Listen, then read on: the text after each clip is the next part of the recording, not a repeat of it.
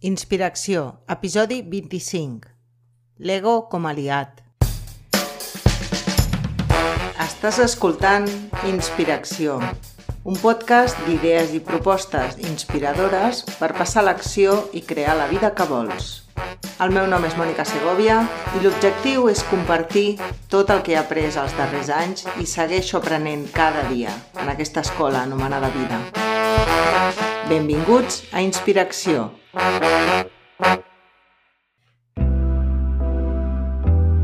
Aquest tema el tenia pendent des de feia moltes setmanes, tenia un episodi així en pausa i recentment he tingut accés a més informació que m'ha permès obrir-me una altra visió de què és l'ego i ho volia compartir.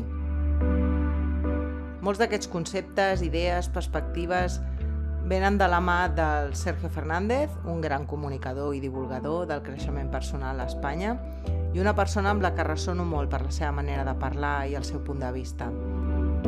Una altra persona a la qual m'he inspirat molt aquests darrers anys és la Virginia Blanes, sobretot pel tema que tocaré avui. Ella és una clau fonamental per entendre-ho. Et recomano que vagis a YouTube i busquis qualsevol xerrada tant del Sergio Fernández com de la Virginia Blanes i miris a veure si et ressona qualsevol dels temes que, que tracten. Anem al gra. Què és l'ego? Això que tant sentim i escoltem i que molta gent, jo inclosa, ha tingut mal entès durant molt de temps, és una cosa bona, l'hem de matar, què hem de fer? Per entendre-ho millor, el primer que vull explicar són alguns conceptes, per situar-te. Primer de tot, partim de la base de que som éssers espirituals vivint una experiència humana per créixer i evolucionar. En segon lloc, en aquest pla físic en el que estem per passar l'experiència, existeix la dualitat. Hi ha amor, hi ha por, hi ha llum, hi ha foscor o absència de llum, i per tal que puguem experimentar el nostre lliure albir, queda't amb això, també existeix ego i ser.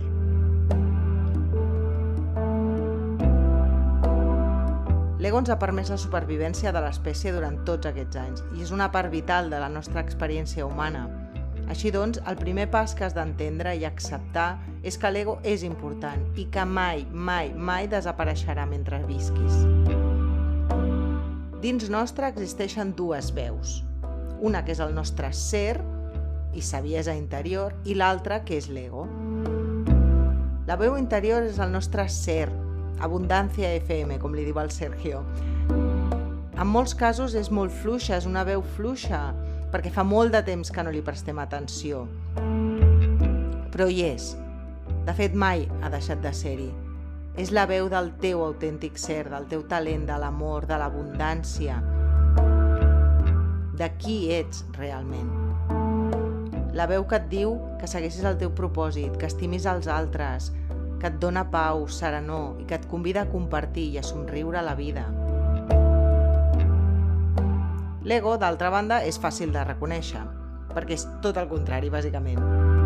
És aquella veu que et dirà coses com que tu no pots, faràs el ridícul, tu no vals, tens raó i això justifica el rancor cap a una altra persona, aquella persona és més llesta, més guapa, més alta que tu, o al contrari, tu et sentiràs més que un altre, et dirà que ets massa jove o massa vell per segons què, sempre existeix en la dualitat.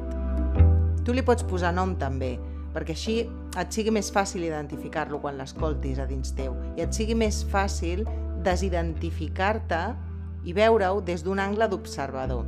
Després en parlaré més en detall, però queda't amb aquesta idea.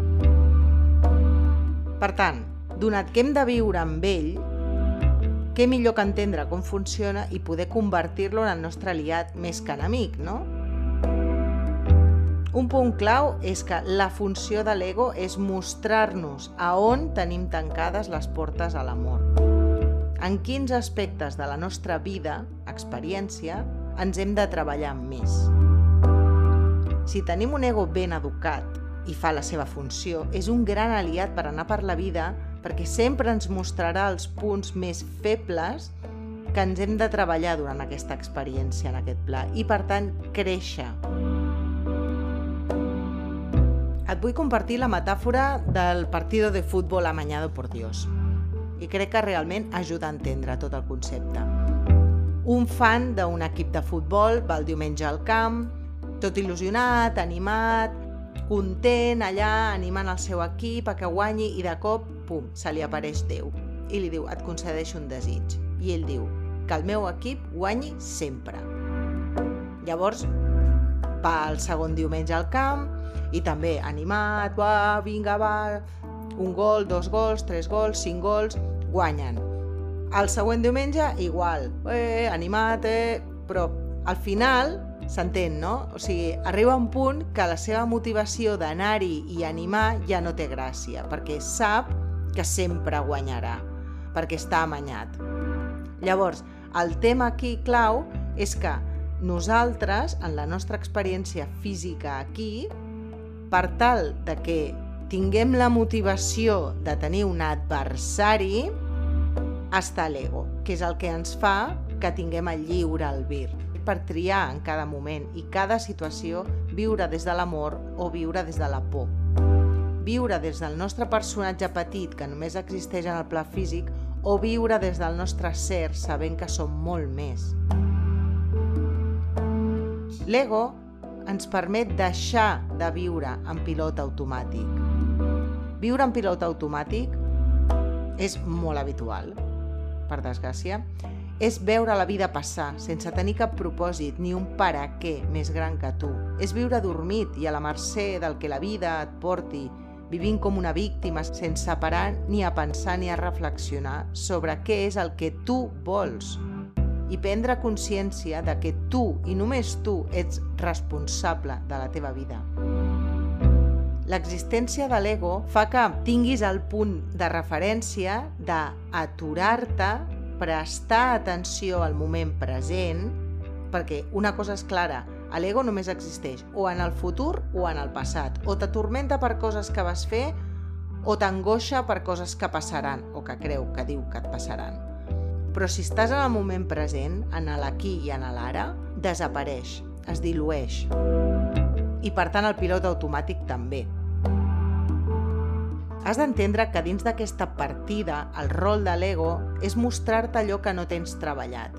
I per això sempre intentarà jugar-te-la perquè caiguis en la seva narrativa. Una cosa que li encanta a l'ego, per exemple, són les etiquetes. Encasillar a la gent i a les coses i a les situacions per poder-les comparar. Etiquetes com jo sóc d'esquerres i tu ets de dretes, jo sóc del Madrid, tu ets del Barça, jo sóc vegetarià, jo sóc vegà, jo sóc budista, jo sóc espiritual. S'entén la idea, oi? L'ego viu de la dualitat i és per això que és un gran fan de les etiquetes i de les categories i de les jerarquies. Sempre que tu pensis que jo sóc diferent que tu, sempre que pensis que ets pitjor o millor que jo, sempre que hi ha dualitat hi ha patiment. La por utilitza les etiquetes per enfrontar-nos i que seguim creient que estem separats, per evitar que ens unim i treballem conjuntament cap a l'amor. L'ego es pot manifestar de moltes formes i té moltes cares. I sobretot, si el tenim mal educat, ens pot estar frenant i privant de fer el que realment volem i del que realment hem vingut a aprendre i a compartir en aquesta experiència. Per exemple, l'ego es manifesta a través de creences limitants. El software que tenim instal·lat, ja sigui per cultura, familiar, ancestral, etc., moltes vegades ens crea patiment, de fet la majoria, és important revisar les creences que tenim per tal d'identificar si són nostres o si són apreses des del pilot automàtic. Quan les revises pots adonar-te del que t'està limitant i sobretot pots canviar-les per creences potenciadores que t'ajudin a expandir i a créixer. Un altre punt de l'ego és que és amant de la zona de confort i odia el canvi. També és amant de la culpa cap als altres si alguna cosa canvia, perquè li encanta tenir raó i no prendre responsabilitat. És culpa del govern, és culpa del meu jefe, és culpa de la crisi, és culpa de la meva mare, etc. L'ego, com que la seva funció és mostrar-te a on tens tancades les portes a l'amor, el teu autèntic ser t'atacarà en allò que més valoris. Farà que diguis alguna cosa que realment no vulguis dir. Farà que mengis alguna cosa que no has de menjar farà que facis coses que saps que no vols fer i que no has de fer. Has d'entendre que és una partida permanent i que cada jugada guanya el ser o guanya l'ego. I la nostra feina és posar atenció al moment present i intentar cada vegada treballar des del ser. Si no estàs en atenció plena, l'ego et dirà coses com va, cobra-li de més, que no se n'enterarà. Crida-li perquè s'ho mereix. Menja't això, que un dia és un dia. Mira un episodi més, no passa res si dors mitja hora menys. Dilluns començo. Al setembre començo. Sempre t'atacaran els aspectes de la vida que t'has de treballar més. Hi ha diversos tipus d'ego també, depenent del que cadascú s'hagi de treballar. Aquí et t'indico alguns perquè vagis identificant quin ressona més amb tu. Hi ha l'ego físic.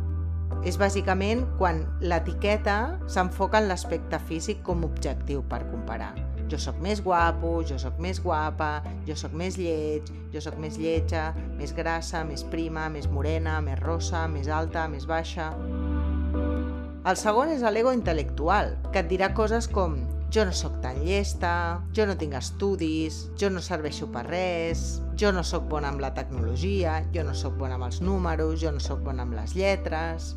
O tot el contrari, jo amb lo llesta que sóc, amb tot el que llegeixo, amb les carreres i màsters que tinc, que, que de fet avui en dia encara hi ha molta gent que es pensa que és més que algú per tenir carreres i el pitjor de tot, hi ha molta gent que es pensa que és menys que algú per no tenir una carrera universitària. És de bojos. També hi ha l'ego emocional. És l'ego que et diu coses com jo t'estimo més que ningú. Com jo, ningú mai t'estimarà. O tot el contrari, ho diu la meva mare, ho diu la meva sogra, ho diu la meva germana. Aquest ego tant estima molt com odia molt, però s'entén el concepte, la idea és la mateixa, no? És aquest aferrament emocional en, en extrems. Després hi ha l'ego espiritual, que et dirà coses com jo estic més connectada que els altres, jo que medito cada dia estic en un altre nivell, jo que estic més desperta que els altres, jo sé de què van les lleis de l'univers, jo vibro alt, al final, com veus, l'arrel sempre és la mateixa, no? és la comparativa, és o fer-te tu petit o fer petit a l'altre per sentir-te tu gran. És limitar-te a un espai superpetit quan tu ho ets el tot. Finalment hi ha l'ego protector.